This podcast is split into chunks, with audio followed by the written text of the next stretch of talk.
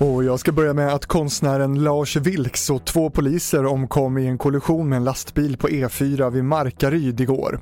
Det är ännu oklart vad som orsakade den här krocken. Vilks levde med personskydd och var en av våra mest omstridda konstnärer efter att ha avbildat profeten Mohammed som rondellhund 2007. Han blev 75 år. Antalet ungdomsrån har ökat kraftigt de senaste åren, det rapporterar SR. I fjol anmäldes eh, nära 2200 ungdomsrån i Sverige, vilket är en fördubbling mot 2015. Ungdomsrån har främst varit ett storstadsproblem, men nu har anmälningarna ökat även i mindre städer. Största ökningen har skett i Linköping, där brottet ökat med 700 procent. Och till sist om tre vakter ur påvens schweizergarde som har vägrat låta sig vaccineras mot covid-19 trots påvlig order.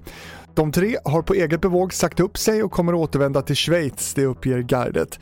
Ytterligare tre vakter ur påvens garde har tillfälligt stängts av i avvaktan på att de ska vaccineras.